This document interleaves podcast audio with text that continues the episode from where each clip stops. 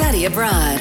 We meet with, talk with, and party with foreign students in Slovenia. What are they up to? What are they down for? And what do they think about where they've come?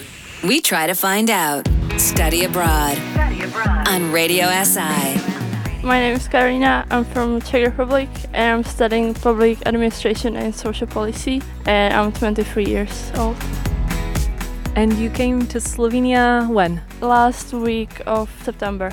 So you've been here for quite a while then through everything that has happened. Yeah, yeah. I actually I moved back to Czech during this crisis for 3 months, but now I'm back like few days. How was it in the Czech Republic? It was such a difference. I mean, when I came here, Slovenia stated they're like corona free. And in Czech, it's not like that. It's still like we need to wear masks and everything is pretty like strict. But here it's like super lovely and everything is just like back in normal, so it's really nice. But you're staying just a couple of days here now. No, I will be here until first week of July, so I still have some time to like travel, and I have like bucket list of places I want to see and just enjoy Slovenia like 100%. What's at the top of your bucket list? I still haven't seen Soča and Velika Planina. You said you moved back to the Czech Republic during this time. Why did you decide to go back home during the coronavirus lockdowns? It wasn't actually my decision. I was like talking with my parents. I was like, I want to stay here. I want to stay here. I love Slovenia. I want to stay here.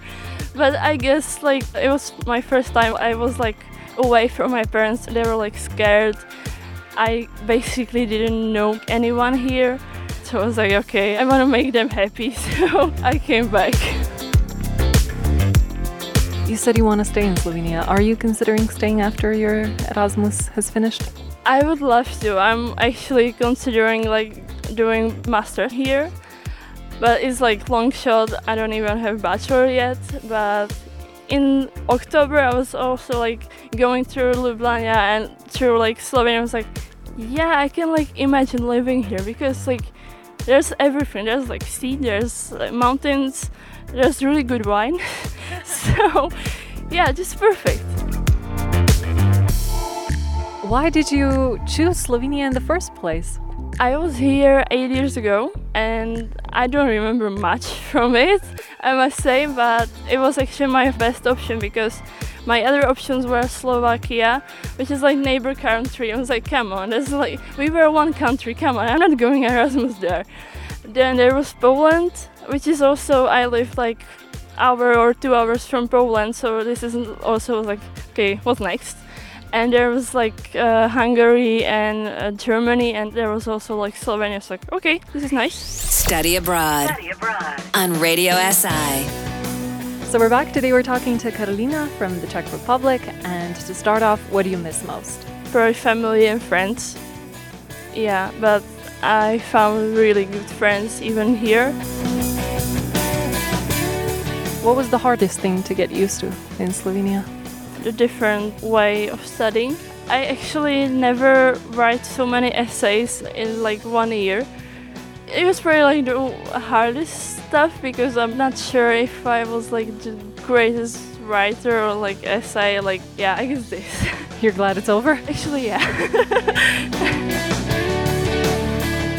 I think the way how teaching and everything on the university is different because I'm not used to such long lectures. Here is like four hours, and I'm like the maximum I was used to was like hour and a half, and then I came here and was like, oh my goodness, this is so hard.